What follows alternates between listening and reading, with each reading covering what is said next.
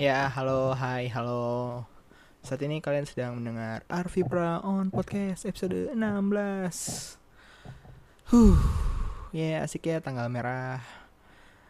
Uh, hari nyepi ya, jadi libur nasional.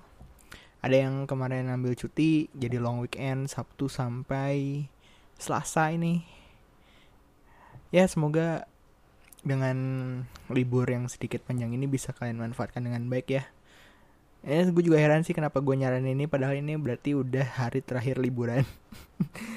ya pokoknya uh, hope you for the best uh, untuk liburan kalian lah. Apa mau di mau dipakai buat apa segala macam. Oke, okay, uh, jadi podcast ini ternyata sudah sampai di keluarga gue. Ya bisa kalian lihat ada salah satu komentar bukan salah satu sih satu-satunya satu-satunya komentar di episode yang kemarin ya itu bokap gue. Uh, gue nggak tahu si podcast ini nih bakal sampai ke keluarga besar atau gimana. Ya mungkin ini udah yang emang udah jalannya kayak kayak gini.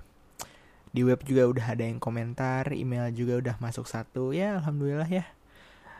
Walaupun walaupun gue tahu yang komentar itu siapa. Uh, maksudnya gue tahu yang komentar dan ngirim email tuh itu tuh orangnya sama. Terus itu pun begitu karena karena gue yang minta.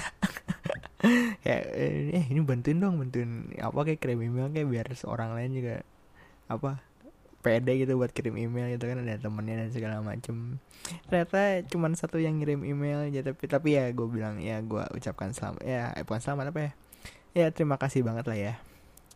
Oleh karena itu karena ada email, yay.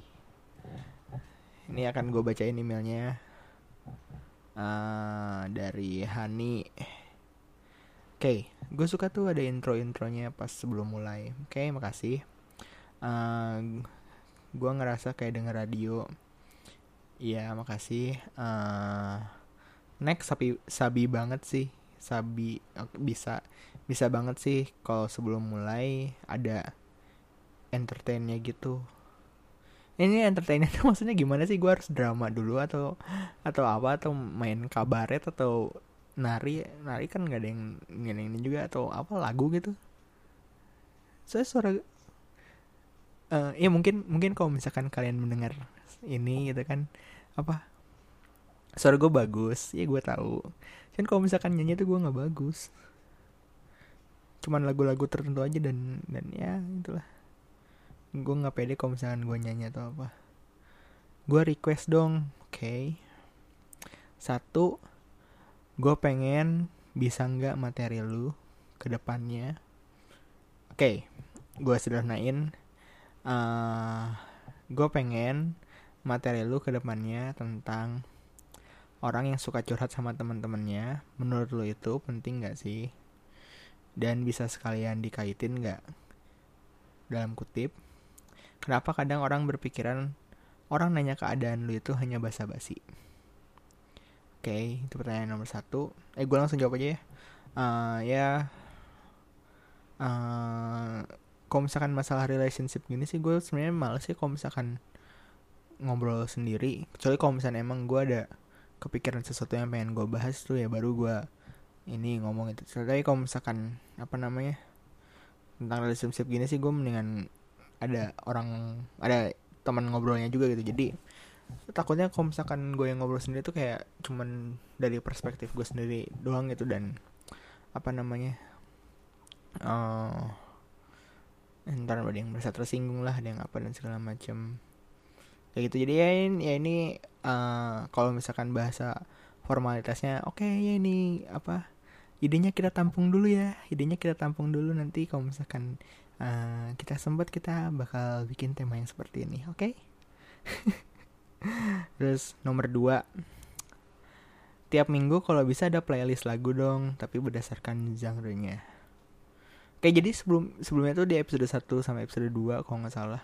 Episode 3 juga ya? Gue lupa pokoknya pokoknya sem sempat gue naro naro lagunya gitu loh. Cuman uh, kayak katakanlah idealnya satu lagu itu 5 menit gue biasa gue dulu sebelumnya gue masukin tiap apa tiap episode ada tiga lagu berarti 15 menit terbuang aja.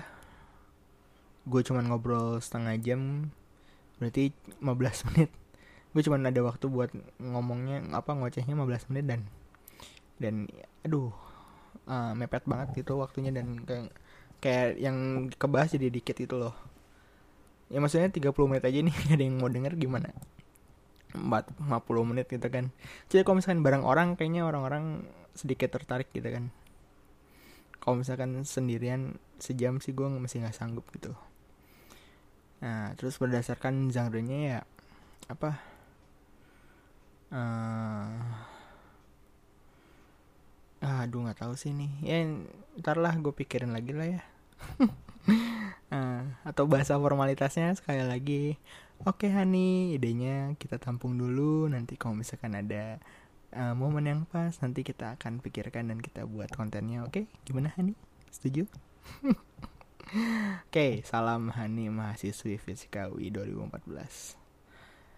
Ah, Oke, okay ya itu tadi email satu-satunya minggu ini jadi kalau misalkan kalian mau nanya ya kalian bisa aja uh, nanya-nanya ke gua uh, kirim aja ke email uh, kotak surat at arvipra.my.id nanti emailnya kayak dia nih gue bacain terus gue jawab juga langsung. Kalau bisa nanya tentang gadget atau teknologi aja ya gitu ya. Bukan apa apa biar biar gue jawabnya juga enak gitu karena gue apa sengaja gue tahu atau gue punya opini khusus mengenai apa yang pengen apa yang lu tanya gitu. Kalau misalkan kayak tadi misalkan nanya relationship ke podcast awal minggu aja itu udah langganan tuh. Dari yang check in patungan sampai yang apa namanya ya pokoknya kasusnya di sana udah aneh-aneh lah. Ya kirim kalau misalnya masalah relationship relationship sih kirim ke sana aja deh. Oke oke. Oke oke oke oke oke episode sekarang gue mau ngomongin ini aja kali ya. Uh, stand up shownya Soleh Solihun Soleh Solihun. Dibilang enak ya memang enak. Dibilang asyik ya memang asyik. Memang asyik. Dengerin musik. Memang enak kalau musik asik ya gitu kali ya liriknya. Gue nggak tahu. Uh, eh, gue juga baru tahu pas waktu kemarin nonton uh, si show dibilang enak ya memang enak. Tahu lagunya ya gitu uh, sama film Power Rangers aja kali ya gue baru nonton Rabu kemarin berarti apa pas waktu perdana uh, jadi uh, sebelumnya gue mau ngasih tahu dulu kalau misalkan uh, ulasan yang gue kasih akan mengandung spoiler. Jadi, kalau kalian belum nonton Power Rangers dan nggak mau terkena spoiler, nonton aja dulu, nonton aja dulu. Uh, apa? Kalian nonton aja lah dulu. Gua kasih tahu uh, ada satu post credit scene cukup um, mungkin akan menggambarkan kalau misalkan kalau misalkan si film Power Rangers ini uh, akan dibuat sequelnya. Sebenarnya si produser Power Rangers atau dari sabannya gitu sempet diwawancara katanya emang udah mau nyiapin untuk 6 film. Berarti 5 film lagi si Power Rangers ini jadi ada 6 6 film uh, ini satu udah beres itu kan. Tapi kayaknya tergantung apa pendapatan dari Power Rangers yang pertama ini ya gak sih? Uh, ya pokoknya itulah. Uh, cuman ada satu post credit scene itu tuh yang di tengah-tengah yang abis abis kredit scene yang bagus. Bukan yang teks doang ya yang bagus yang ada animasi dan segala macamnya. Terhadap post credit scene nah abis itu udah kalian langsung pulang aja soalnya udah nggak ada lagi gitu intinya pak kecuali kalau misalnya kalian emang pengen pengen tahu siapa orang-orang di balik film itu secara lengkap itu kan ya nggak apa-apa lah.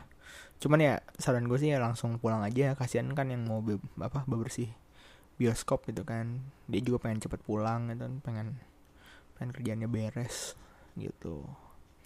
Kalau kalian yang belum nonton Soleh Solihun uh, ya berdoa aja. Siapa tahu dia mau bikin show kedua di tempat kalian berada. Setahu gak sih dia belum ada belum ada rencana ya. Belum ada rencana untuk bikin show kedua. Gitu. Oke uh, udah gue kasih warning ya. Jadi kalau misalkan ada yang komen ya ini spoiler review. Hmm, bodo amat lah. Oke okay, uh, ya kita sekarang bahas dari ini ya shownya Soleh Solihun dibilang enak ya memang enak. Jadi uh, show ini tuh diadakan di gedung kesenian Jakarta. Uh, gue pas waktu uh, ke sana tuh itu sekaligus pertama kalinya gue ke gedung kesenian Jakarta ya. Tempatnya cukup tersem bukan tersembunyi sih lebih ke ngumpet itu loh. Jadi kayak kayak pas di belokan terus uh, di pojok belokan gitulah jadi harus harus ini harus harus aware gitu sama itunya gitu kan kalau kalian nggak peka tuh mungkin bisa nggak nggak nggak ketemu gitu kan. Untungnya gue kemarin datang cepet. Kenapa gue datang cepet adalah karena ternyata si kursinya itu kita milih sendiri mau duduk di mana. Jadi gue harus datang cepet untuk dapat posisi yang enak. Gue takutnya kayak dapet paling belakang gitu aduh. Kayak nonton Panji gitu gue dapet rada, apa rada belakang uh, cuman kelihatan apanya doang cuman kelihatan backdrop doang. Tapi ini gue dapet tempat yang enak lah alhamdulillah. Itu uh, terus juga parkirnya enak. Gedungnya keren banget. Kayak kayak kayak kalau misalkan lu nonton stand up show US segitulah stand up special uh, apa komedian US gitu. Theatrical banget terus ada balkonnya. Kayak kayak ini apa kayak apa TKP pembunuhannya uh, Abraham Lincoln gitu loh. Ada ada balkonnya terus si Abraham Lincoln duduk di situ terus kayak ditembak di situ kan. Nah itu tuh kayak gitu tuh gedungnya tuh. Uh, apa lagi ya? Uh, ini punya gedungnya kesenian banget. Uh, gue bersyukur karena soleh soleh ngadainnya di sini jadi gue bisa sempat ke sini gedungnya keren. Uh, oke. okay. Kita lanjut ke acara. Uh, acara tuh dimulai dari pengenalan MC dan MC malam itu tuh Uus sama Koh Ernest gitu kan. Begitu mereka masuk panggung tuh seluruh penonton tuh udah ketawa aja nih. Karena kan si dua MC ini nih dua orang ini nih kan sempat kena kasus sih. Ya kasus apalah itu sampai mereka susah dapet job ya kan. Dan yang gue pikir yang gue pikirkan pas waktu pas waktu mereka apa mereka tampil tuh kayak ini anjir nih ini saking gak dapet jobnya sampai bela-belain jadi MC shownya soalnya ini. Terus udah gitu si MC-nya ya biasa lah masih tahu kalau misalkan perat apa to do's and apa do's and don'ts-nya gitu kan. Seperti itu. Nah terus penampilan pertama tuh gue kira langsung opener gitu. Taunya taunya ada dance dulu dari apa hahaha corps itu yang manajemennya si Soleh gitu kan Soleh Ernest G. Pamungkas Ari Kriting dan lain-lain Aci Resti gitu. Ya ngedance dulu tuh si berlima yang tan apa yang di luar ini di luar tampil gitu kan. Kan Soleh kan tampil Ernest kan MC nah sisanya itu tuh ngedance itu loh berlima. G. Pamungkas Bene um, Ari Kriting Ardit sama Aci Resti gitu kan. Ngedance itu nah terus gue gue ngeliatnya tuh udah kayak anjir nih kayak kayak pensi SMA aja ya. Mau siapa pun gestarnya mau segede apa pun gestarnya gitu kan. Tetap harus ada eskul paduan suara dulu nih yang harus ikut majing gitu. soalnya menurut gue tuh nggak nggak terlalu signifikan aja nih peran si hahaha corpse dancer ini. Maksudnya kayak aduh ini uh, mereka ngapain sih? Selain Benedion yang bisa jadi bancengan gitu kan jadi ini ngapain sih nih? Mereka lang udah langsung aja langsung aja langsung aja. Terus yang mereka beres terus uh, tanpa ada perantara dari MC langsung masuk ke komik pertama Kamga. Nah Kamga ini membawa materi mengenai keterpurukan dia sebagai artis terus sempat ngecengin Joshua juga. Dia juga ngebahas relationshipnya si Kamga ini gitu kan. Uh, dia dia tuh bilang kalau misalkan opener stand up tuh kayak trailer film terus nah, di mana filmnya itu tuh si komik utamanya gitu kan. Cuman soalnya Soleh ini kayak film Logan. Penonton tuh udah nggak peduli lagi sama trailer jadi kayak ah, anjir nih ah kok trailer sih? Udah filmnya aja langsung filmnya aja langsung gitu kan. Jadi dia kayak nge, nge self de, self deprecating dirinya sendiri.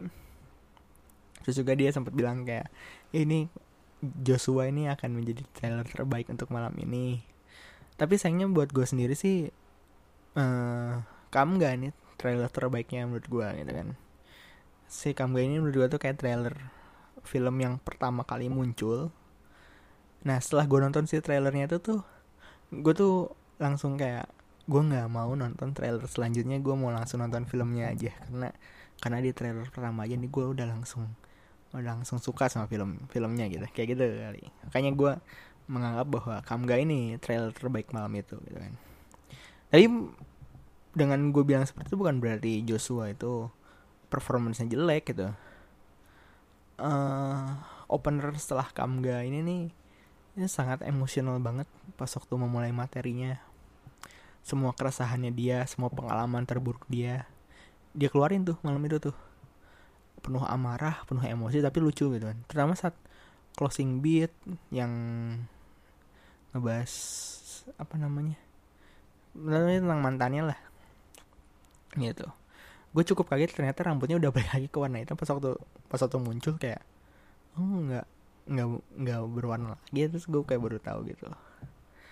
Kira dia masih rambutnya masih diwarnain gitu. Gitu. Nah baru deh habis opener nih. Ini nih yang gue tunggu-tunggu nih pas waktu dipanggil nih ternyata ternyata ada seksi dancer dancer dulu anjir.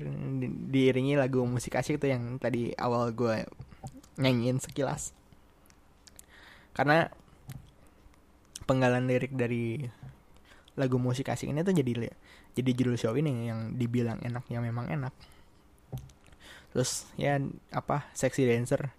Muncul dulu dance dance lu cukup lama itu loh adalah 15 menit itu baru baru nih soleh nih muncul nih.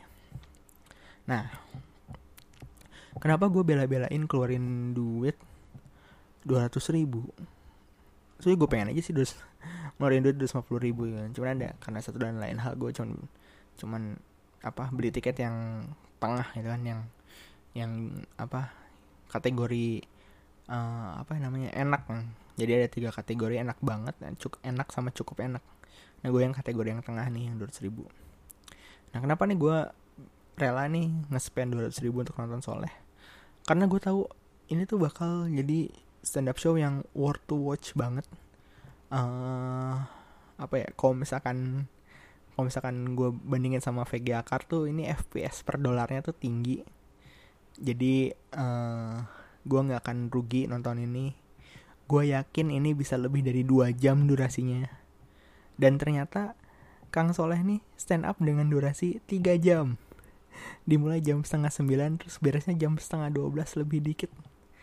Gila anjir. Ini gue waktu pas waktu di satu jam pertama aja tuh gue udah malas ketawa lagi karena capek gitu udah udah aduh. Aduh ini nggak ada istirahat dulu atau apa? Aduh gue pengen minum gue pengen makan dulu aduh capek banget. Ya, tapi tetap aja gue aduh ini aduh ini tapi lucu banget itu aduh. Dan segala macam gitu kan materi yang dibawain tuh sesuai dengan judulnya uh, seputar musik. Musik 80-an musik 90-an media musik musisi yang jadi politisi terus hingga pengaruh Jesus terhadap rock and roll musik itu tuh sadis banget. Terus di akhir-akhir tuh diisi kayak biasa gitu apa setiap shownya Soleh. Nggak setiap sih sebenarnya ini baru baru dua kan.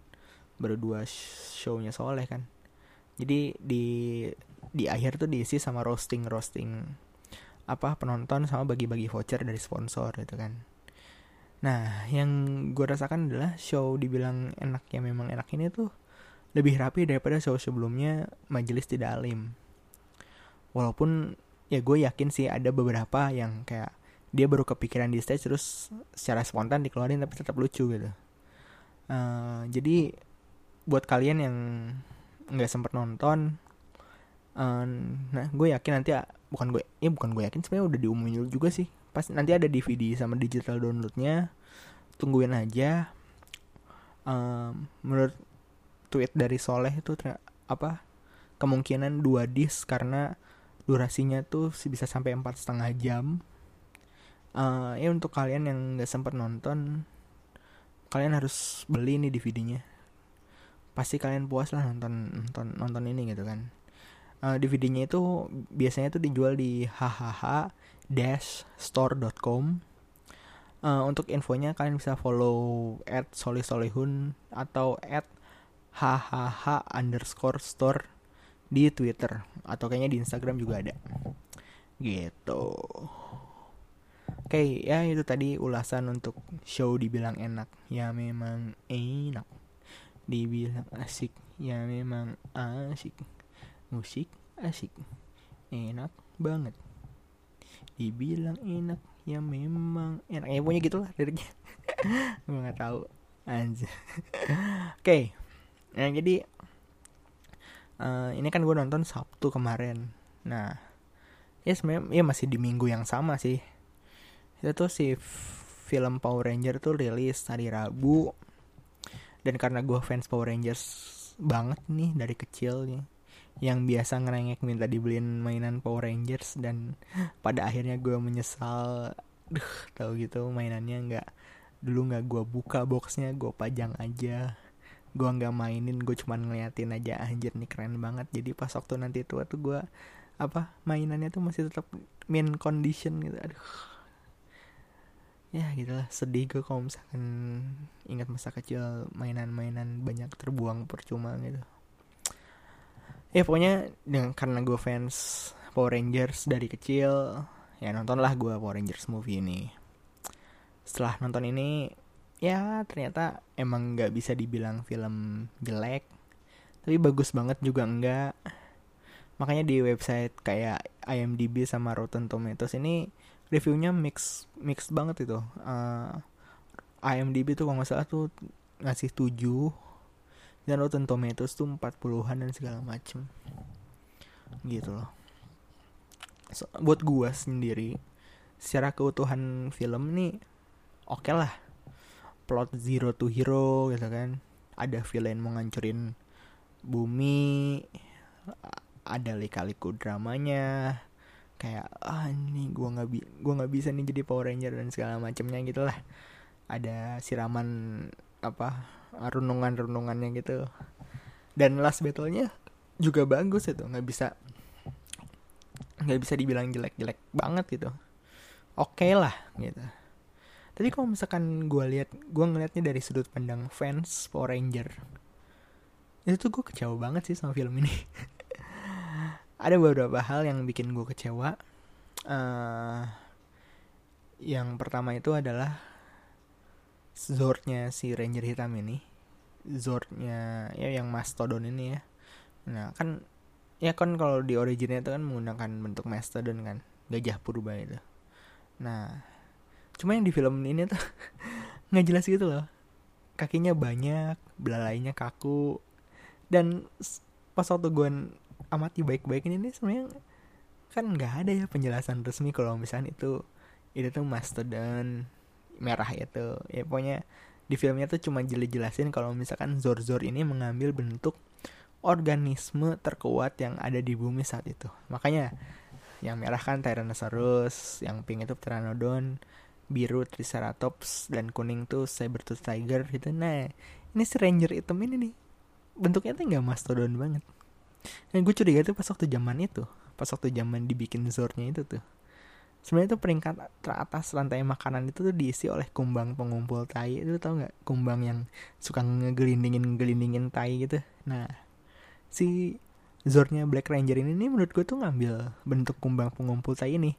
Kalau misalkan kalian bingung gitu kan hah? Kumbang pengumpul tai? Kalian coba aja search di search di Google uh, Mastodon Power Rangers 2017 atau Black Ranger Zord Power Ranger, Black Ranger Zord 2017 sama ini kumbang pengumpul tai. Nah terus kalian lihat aja tuh persamaan-persamaannya tuh itu mirip banget. Ya gitu. Ini kalian bandingin pasti nggak akan ada nggak akan beda jauh lah. gitu. Nah yang kedua itu yang bikin gue kecewa adalah proses transformasi Zord ke Megazordnya tuh aduh nggak dilihatin secara jelas. Uh, pokoknya tiba-tiba ada suatu kondisi apa terus tiba-tiba tahu-tahu mereka udah bergabung aja gitu kan. Padahal tuh buat gua nih buat gua nih yang ngikutin yang yang suka Power Rangers. Itu tuh pas waktu pas waktu dari dari Zord ke Megazord tuh itu tuh udah kayak puncak kenikmatan saat nonton Power Rangers.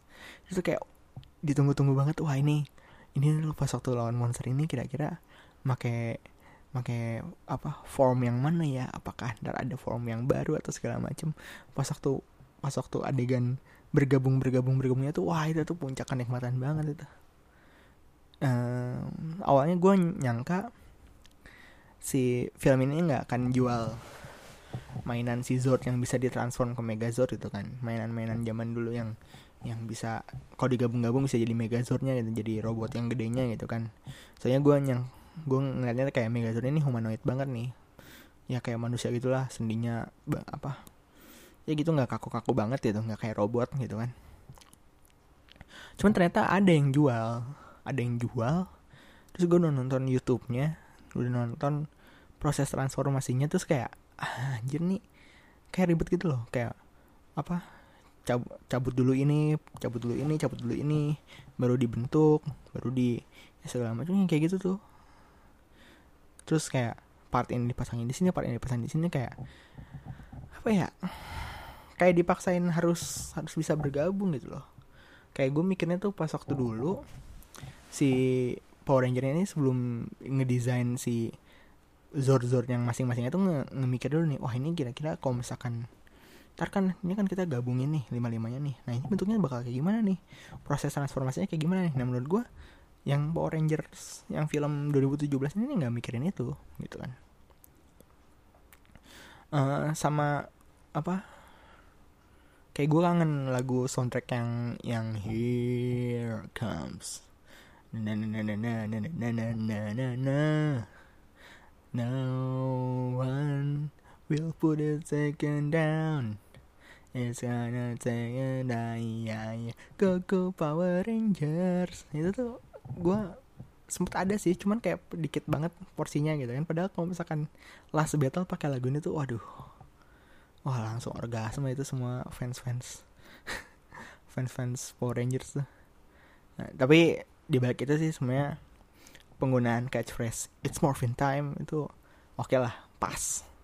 Seneng gue dengernya. Kayak ya ini nih akhirnya nih ngomong ini nih. Ya gitu. Uh, ya terus apa lagi ya? Eh pas waktu berubahnya juga nggak nggak nggak ini banget nggak nggak memorable banget lah. Nggak kan kalau misalkan yang dulu tuh kan ada gaya-gayanya dulu ini kayak nggak tahu sih apakah apakah takut dibilang Nora gitu. Cuman gue sih kalau misalkan nyasarnya fans apa fans Power Rangers sebenarnya sih? Gue sih nunggu sih. Cuman ya itu nggak ada. Gitu. Ah sorry. Hmm. ya udah ya itu aja deh ya. Tentang apa ulasan mengenai film Power Rangers dan uh, show dibilang enak. Ya memang enak. Oke buat kalian yang misalkan punya pendapat lain nggak sependapat nggak setuju nggak bisa bang. Gue nggak gue suka sama itu segala macam atau apalah kalian punya opini sendiri ya kalian bisa kirim email ke kotak surat at arvipra.my.id nanti gue bacain ntar gue respon apalah ntar gampang gitu. Oke okay, uh, eh, terima kasih udah dengerin podcast ini I would be thankful if you share and subscribe this podcast. Uh, kalau ada yang penasaran bikin podcast, kalian bisa coba promo dari blueberry.com, sebuah situs penyedia hosting untuk podcast dengan kode promo Arvipra on podcast. Kalian bisa dapatkan satu bulan gratis, cocok untuk kalian yang mau coba-coba. Info lengkapnya bisa cek di deskripsi. Sekali lagi, kalau kalian mau nanya-nanya mengenai gadget atau teknologi, kalian bisa kirim ke email di kotak surat at arvipra.my.id. Oke, segitu aja dulu dari gue. Temukan passion kalian dan jadilah yang terbaik. Dadah.